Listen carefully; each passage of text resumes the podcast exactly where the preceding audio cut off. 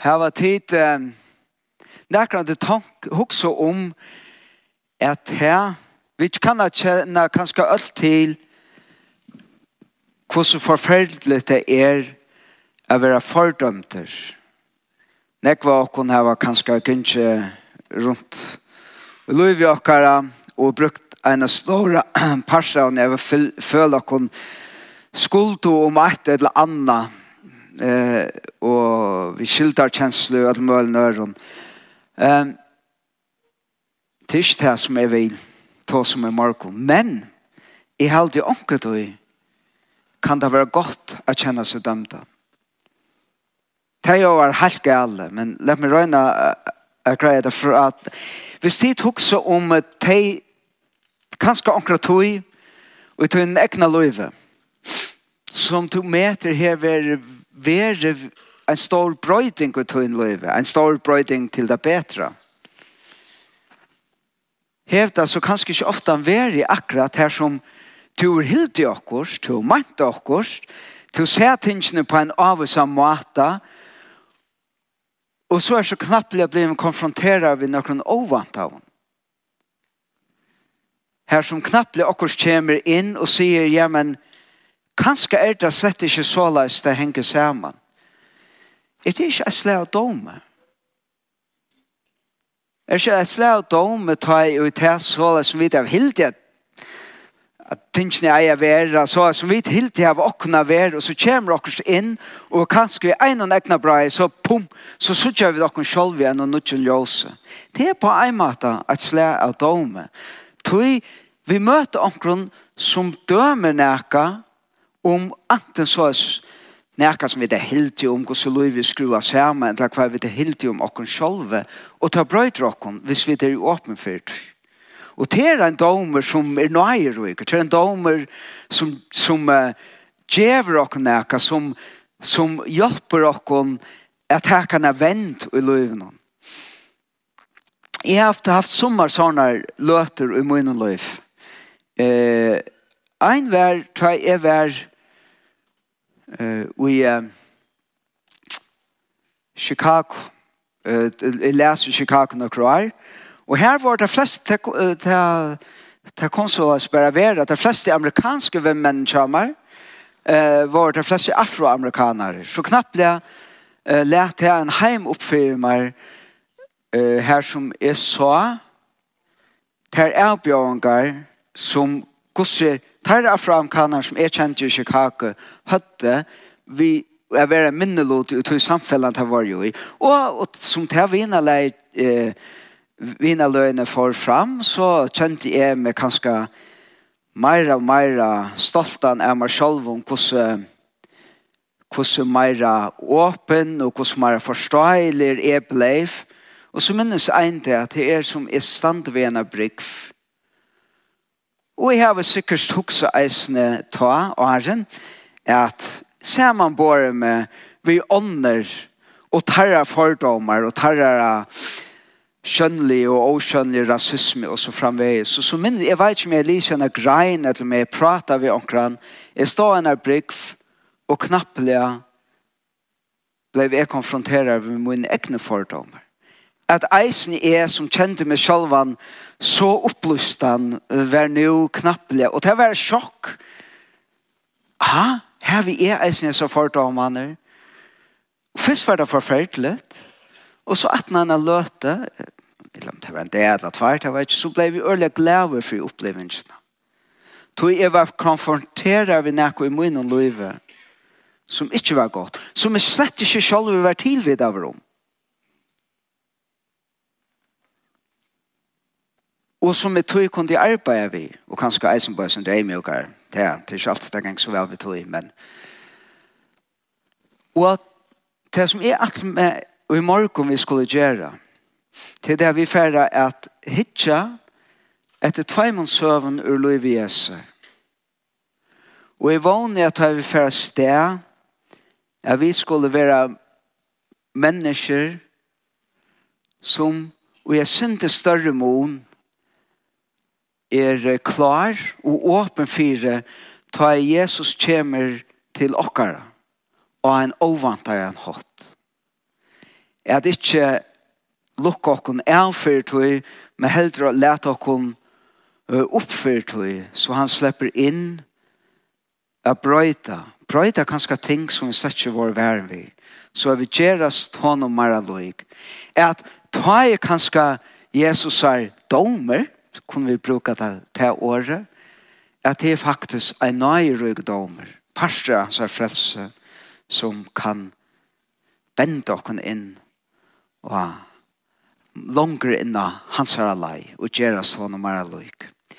Vi får bruke disse tversøvner, og vi får bruke det sammen vi tar med tveimene, med reliefen, som Edvard Fokle gjørte til Kristianskirkene for noen år siden, som er alltid er fantastisk. Hvis det er unga det var jo tjattlarna av Kristianskirkene som moet i færre og hitja og bruka tog og suttja alt det som Edvard har lagt ut det. Så hva er det første mynden av Akuma? Hette er Jesus i tempelen som 12 år er gammal. Og jeg er alt mer å lykke å lese til søvnene. Så vi leser i Lukas, kapittel 2, fra vers 4.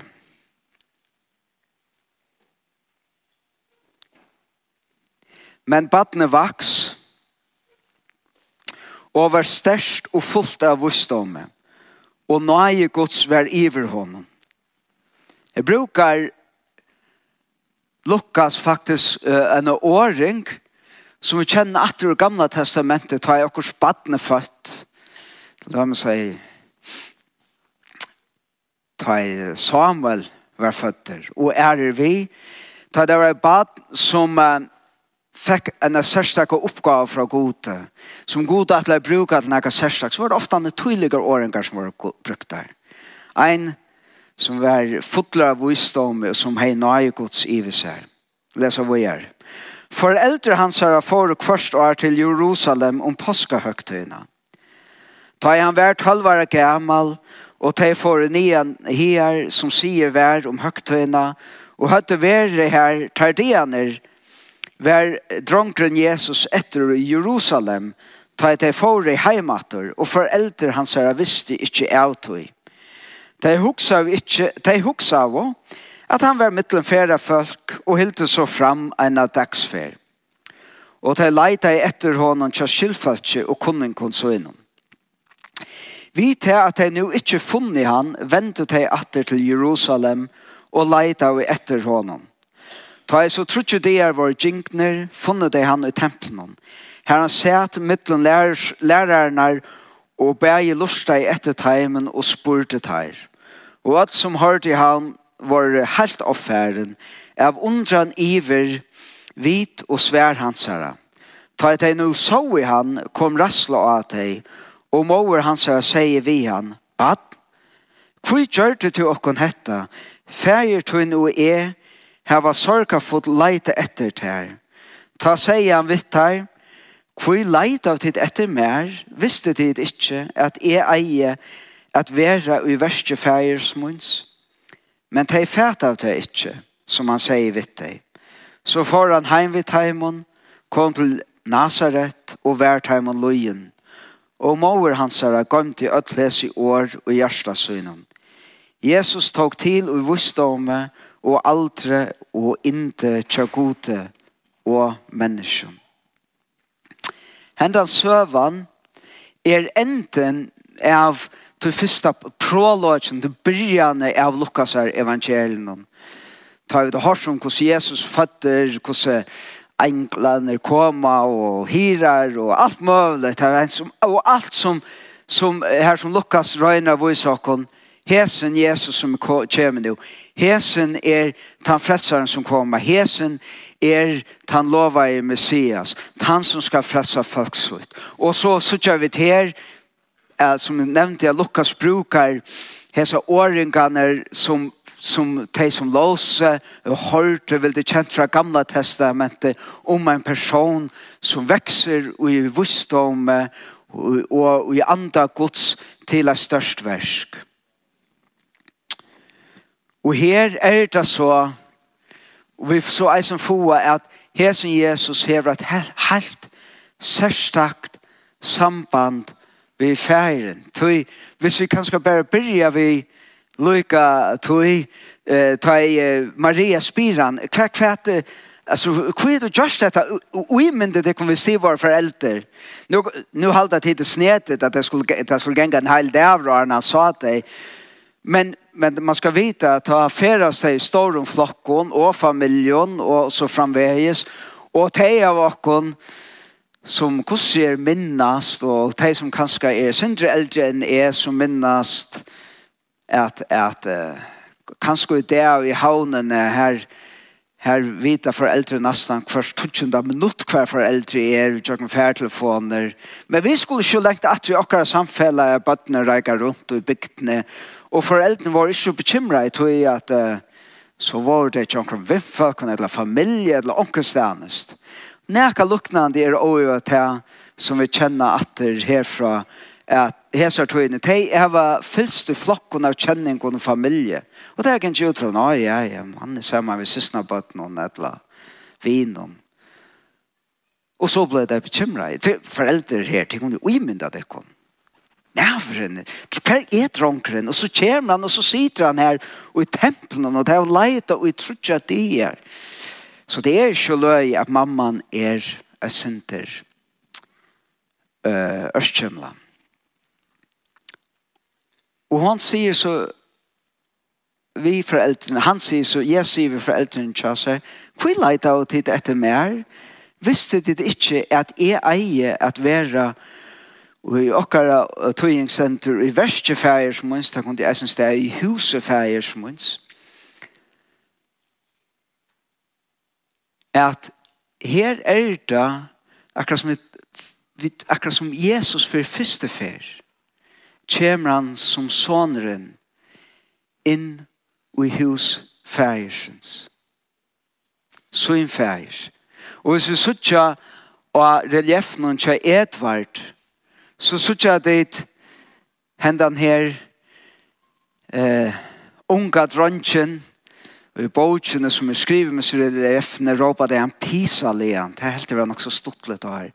Skrøypelier, planer, unker, eh, forsvarsløser. Men det han teker paddelen. Ljøse, det er kanskje kjem der fra lampene som er oppgiver av noen, men det kan ikke lykkes godt ved det kjem, ser ut som det kjem utanfra, et himmelsljøs. Det er mynden av er er vi her som kommer ljøs inn, inn i husfægersens. Og vi suttja eisne, og vi leser åren at eisne her til undras iver, ta Jesus tåsa vi lærerne, hvordan fotler han er, og i vustom, hvordan vel han doer, er lorsta, spyrja spurningar, og ötle er i offeren. Men, hvis vi et eisen hitje som myndene, det er, ja, let meg lukka si at heffes, alt som er sindru avavers, og som kanskje peikar av, hmm, hette byrjan og netta ser øyla godt ut, hvordan fer det genka? Her er det, jeg vil sutja at mamman og foreldrene som heva finnje etløse lyftene fra fra, fra gode om hver hesson drongren er, de sier likevel. Og i vers 12 trus sender, men de fæta jo ikke til som han sier vitt deg. Sjalt her er det foreldrene, de som er aller nærmest honom. Så da han sier, da han regner sier dem fra hvor han er her, så fengar det det kjørt. Og vi sier det at i evangeliet, som at høyre av Jesus, så kommer vi sånn påskapet. Påskapen er så ovant av er kjølt mamman, som angelen hei vidtja, uh, kunne ikke ordentlig fengt det. Uh, han var så stor, han var så, kanskje så ovant over, uh, så ikke bare så som, uh, hon er vant at han skulle bli frelsen, er selv hon ikke ordentlig skilt Men vi sutja er snakka anna vi Marie som ikke kjenner henne, og så eisen lærersveinen er ganske særlig at når Jesus er risen opp, er vi leser at mor hans har gått til öll hese i år i hjertasønnen. Så henne er hjertet, selv om det ikke skilte, selv om det er spørninger, så var det hjertet her som tog hese i årene til sønnen. Lät deg lite her. Lät deg være åpen for hva møvlig for å hente.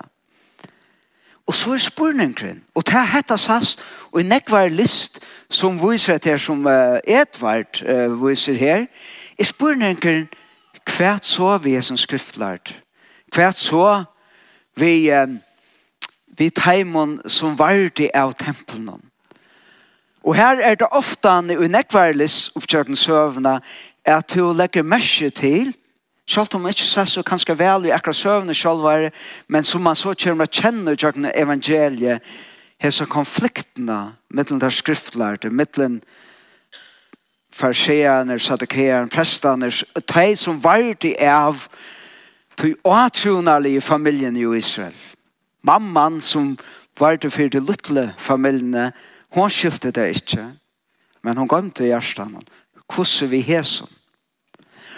Og Og vi som kjenner søvn i evangelien, vi kjenner jo til strøye, til er tragedien.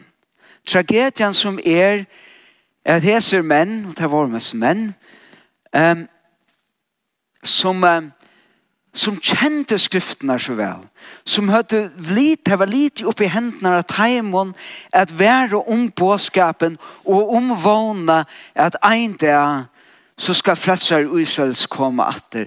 Og, og en stor parst av tragedien er at av tog Jesus ikke kom som tar vant av så vreka av der han.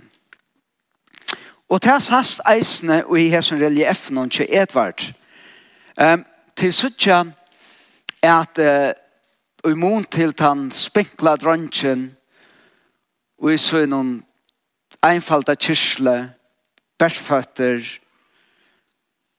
så, så er det, og, og Edvard, han hever lete hese skriftler til er i bunan til presten.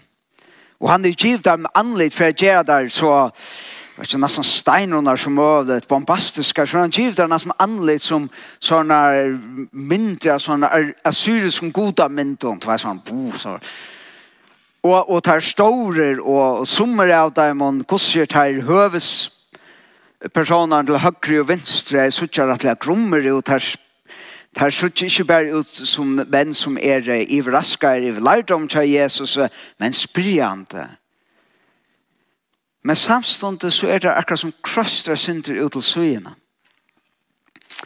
og, og, og fyrir at akkurat som Jeg lett ikke så åre sånn, det som Edvard Gjerjesen relief noen, han ber for at han gjør det folk i Klagsvig, som hadde, hadde imsaluter som hadde en tuttning for det, han ber han gjøre seg der, så tar som rikket av til, for han har sett det inn i hese versene. Så hvis du kvar til det neste kommer, så gjør det her, her er en håndgrann lite, han nesten og møvler, så gjør Men helt der oppe vi høyre uh, dora stav, högre menen. Här är en honker en liten. är en honker en liten. Akkurat som som har gjort uh, sånn ekvån hus under färgerna. man hongte liten her, så hvis onker som er så inne, så slipper folk inn. Men her er det akkurat som at liten er gømter, at hoast alt det her som eh, uh, tempelet omboer og tar som rotter for tempelen omboer, så var det et eller annet hent, at akkurat som lykjelen til båskapen var blei vekk. Han var glømter, gømter. Og, og så enda kontrasten mittel til nudja, til ovanta ja, til spyrante som Jesus kommer vi henda dagen inn i tempelet. Jeg sa steisen jo til nasta, hva er det bare nasta? Hvis det sutja så jeg sier, vinstre mena, her hever et var lagt en av sånne typiske lomvieekon. Lykker her og vi er. Rett og skrøypelet. Atra en sånn omboan av hesson nutja, tu nutja luivnum. Som, som kommer vi Jesus til, til nutja som nu fyrir kletjast om brukar til mal. Nu, og hette er ganske vanlig, hette, og i nekva, hvis vi fyrir hitje etter list, og opptjøkken tøyene av, av hese skjenene, så, så sast det her øyelig ofte atter. Nå kan det bli en tro på leit hvis ned. Ja, helt sikkert. Og hvis vi som kjenner kyrkjøvene, eh, tar vita vid vel. Hvordan opptjøkken tuina at henda konflikten mellom Jesus og hvordan tragedien at hei og i åtte at bjørn velkommen så at nei, til det til ikke godtak at han ovanta i maten og Jesus oppfyllte vogn uh, Israels. Så tar jeg jo i så oppe tjøkken tøyene så her var en, en myskepletter, og i alle kristne så er at man helt myske er hvordan man har brukt dette til at se yes, ta ta ta ta ta ta vit i okkar kristna parsa heim non finke valde. Ta så at vi ja, vit um på hatt er det vit, vit er det her Jesus, og vit er tei som har vært rett, og her ser søvliga, her ser gjøtaner, hatt er de som dro på Jesus, hatt er som krossfeste han, her som kort han opp på treet, eh, og som har vært som skulle være dømt, vit er til rette ljøse, og hans er til som er myskron, hans er til som er skarft. Og hette sass eisen i sommerlist, til her er kontrasten, man ser Jesus som er i sin kjærkjen vi, vi tar skriftlært. Men i halte at Edvard Løyvrokken ikke hatt det. Til hatt det så øyla latt. Hatt det så øyla latt er suttje her, og så sier jeg, ja, men jeg Er er vi to i personen som Jose, men hine, hine som er åsamte vi, hine som er konservativere enn er, hine som er liberalere enn er, eller hine som er rykere enn er, eller hva det er, de er som hese som rådte for borgen. Men er, og i munner alle opplyst i herlighet, er han som er av Jesus er skjøye. Men heldig Edvard løy sjalt om han viser seg kontrasten. Sjalt om han vil si at Jesus omboar ta nutja ljøse som kommer og som heimren har bruk for og setter kontrast ved hvordan de skulle ha bjøret velkommen, ikke gjør det da. Så løyver han okken ikke likevel at affær ui hans her rollene er bare genge ut fra at nu er jeg rettar så jeg kan fordøme henne som jeg setter rollene til her som eh, bakfotle eh, skriftlært. Til hvert gjør, han gjør tve ting. Etla, det er et ting, det er tve ting som etla, jo, nå kom det. Hvis vi tok så at det er ikke, at som, som hette, vet du, Edvard, han gjør en ølja tilvidda gjørst, han er gjørst en sånn balanse, en spekling med den skapet etjennom, og skärpe av sån kvita sånn her hatten någon som den yngste skriftlar det i. Så tjär det där här halt till högre. Här sånn kviter det var ikke dusker det var ikke det er et eller annet som er rå her. Um, og fire akkurat man sier hikk ho. Gengish ut fra at at ikkje eisne mitteltei som kanskje fyrst sette seg mot det som bådskapene, at han bådskapene ikke er som for å spørre. Men så gjør han noe annet som er helt genialt. Det er til at ta i her som kontrasten vi setter opp. Så så venter Jesus som han vanlig nesten alltid ikke. Jeg prøver å hitte etter nekvomenten. Tjøk noen tøyene som er gjørt her, målninger, ikoner, alt mulig annet at uh, ta er ofta når Jesus anten sitter under trone, for akkurat som å vise hvor han er, uh, og vente seg mot det som han prater vi. Ytla er som en liten dronker som vente seg mot, mot som skriftler som han prater vi. Men her, her venter Jesus er han hikker etter okkom. Og en av de halv, utan fleste reliefene, så er i til tja time og person som er ute, akkurat som tja, uh, tjøysen her skriftlært, ja? Du, du sørst ikke egna steinen.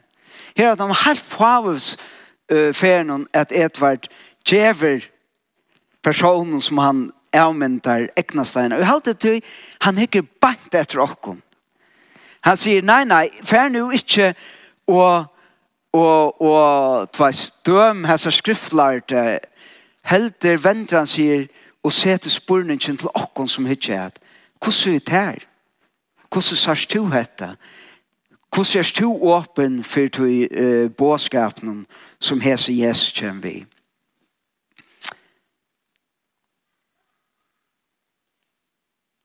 Og hva er så hese som båtskapen, Hva er det som gjør at nekvesen er skriftlærte og teimen som skulle til å ha tidsje mot oss ned, ta i endelig at det som hadde vågnet altså liv etter kommer. Hva er det der ikke kunne takke mot det? La meg lese, skal vi lese i Matteus 8. de første versene. Hva er bare til neste myndene, kommer? Nå heter søva, en av søvn om ta Jesus leker en spedalska. Og til Matteus, Matteus forteller søvna bant atna av Jesus vil ha fjallet henne Fjallatælan som stinker ut av korset, han nutja veien som Jesus er kommet ved. Fjallatælan som lyser, hverfor jeg ser ikke en akkurat liv, meir og meir vi blir av Jesus og liv. Men det er en tala som ordentlig bjør okkene av. Og jeg tykker vi fleste av okkene, hvis vi leser fjallatælan og bare lurer etter, så stemmer man, åh, oh, Men hva er så fyrsta søvann som kommer at atna Jesus hever hilde sinne fjallet til alt? Ta jeg nu for åman av fjallet fyllte nekk falk. Nu kom en spedalskor fall nye fyr honom og sier Herre, vil du, så kan du gjøre meg regnan. Og så er det her, dette skandaløse som kommer, fullkomlig ovanta her. Ta rett til han ut håndene, nærm vi han og sier, jeg vil, vær regner. Vi tar samme være en rettsaver fra spedalske søn. Jeg har alltid nok så avverst, ta i ui Edvard avmyndar, gjør myndene av Heson. Hvis du kører at han neste kommer, så sier jeg at det Her nir kyrslen vi tjade spedalska nyast høyre meien, som er av rønt av forstørre synder. Her finner du låse som likjelen passar ui. Jeg, jeg må få spørre Edvard om du prater med han. Eh, hvor jeg akkurat har gjort det, men jeg halte det genialt. Du, jeg halte hentet søvann Ta Jesus grøyren spedalska forteller okkon så omete nekv om just hva ljós er, hva båskapen er, hva frelsan er som Jesus kommer vi. Kvui? Det hender litt av detaljen som vi ikke husker sånn jeg kom. Sjåan til at en spedalska vi grøtter, det er jo fantastisk. Men hender litt av detaljen som vi kanskje det ikke husker sånn jeg kom. Ta rett igjen ut håndene nærm vi han og sier. Hvor er hatt så radikalt? Jo, til til ta Jesus um, det, vi de som kjenner synder til lovene, Moselovene. Hva, hva er det vi spedalske sjuke? Det er å være spedalske, være nærkert i alle ringaste som å kunne være bliv. Du så var så åreint. Du måste som ett eisen suttja och är här vi att du sarsa så at det er akkurat som utanför byggnaden, utanför bojar postene. Jesus bedalt skjer utanför byggdaleie hvor du du der må halda seg vekk fra folk. Hva er for onker kjem fra boi vera da nødt nødder å råpe åreiner, åreiner, så folk ikke nema vet der. Beie og i øttene for jeg selv jeg ble sjuk, men eisen tog til vår rituelt vår bliven orein. Skiten. Utanfor samfellet. Unga møvleika kom inn i tempelet. Utanfor nærværen av øre menneskene, utanfor nærværen gods. Og hva hendte vi så nærm vi en spedalskan, ja, men så gjørdes to åreiner. Så blevst, komst du i samme støve som deg, så vars du utanfyr, så vars du ute i huster. Men damas vel enda søvan kommer bant atna fjallatalene, tog ofta ni atna man lyser fjallatalene, og hos i avbjørende er, så kan man føle seg nok så skyttnand, nok så åregnet, nok så utanfyr. Men her kommer Jesus, og han gjør det som man ikke må, som man gjør det så veldig ofte. Ta han, kommer, han kommer så omettelig ovant av bådskapen. Han kommer og nemer vi hentan outsideren. Og her etter lovene blir han bøkstavlig åregner, men han ble åregner på sånn ekva æra mater, han var sammen ved skøtjennom. Ta hans vær skjermen við tattler og synder.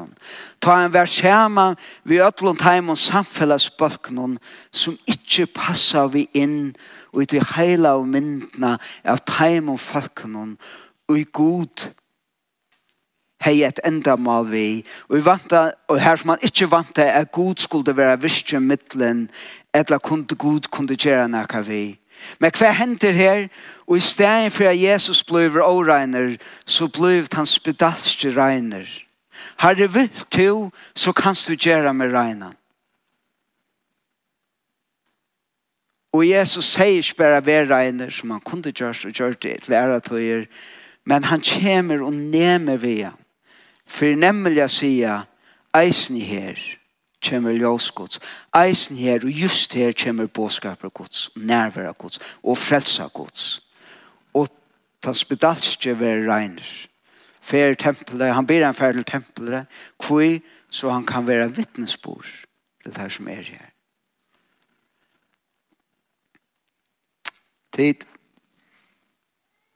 Nu er, at jeg sier, syndra 13, det fer ikke. Jeg halte vi fer enda her.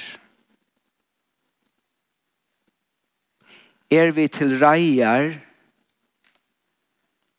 å møte Jesu nærvære, Jesu bådskapet, ta han kommer helt ovant deg hatt. Jesus ønsker ikke ta vi lese om teg som ikke tog imot til hånden at gjeve okken en bølg som vi kunne døme Heldur ikke Jesus hitja stær okkom banten jegene og spyrja er tvitt hjärsta som hjärsta til Maria som sjalt tar du ikkje skiler sjalt tar du knappt jeg ser at ljose lusnar ut heim støven og mittlen til folk og i to ikkje er vanta så klar eller klar til å møte henne her. Er så klar eller klar å møte Jesus og ta en konfronterer ting, uh, uh, det som er djupt inne i hjertet til henne. Det som kanskje ta i hans her ljøskuinner og er oppiheilet. Ta i du kanskje sørst, ja, kanskje er smekkfodler i fordom. Eller kanskje er vi huksa fullkomlig for kjærstum hitt eller hatta, eller dømt han eller hæsa. Lært åkne hava gjørst og som er åpen for båskapet og ljøse Jesu. Særlig at det kommer ovantare nåt. Til det just ha, ta just ha, og vi kjenner kanskje at det er okkur som dømer okkur av røtten, er vit kunne være som hins bedaltje og sier, sier, Jesus, om du vil, så kanst du gjøre med regnen. Og han nemer eisen vi okken.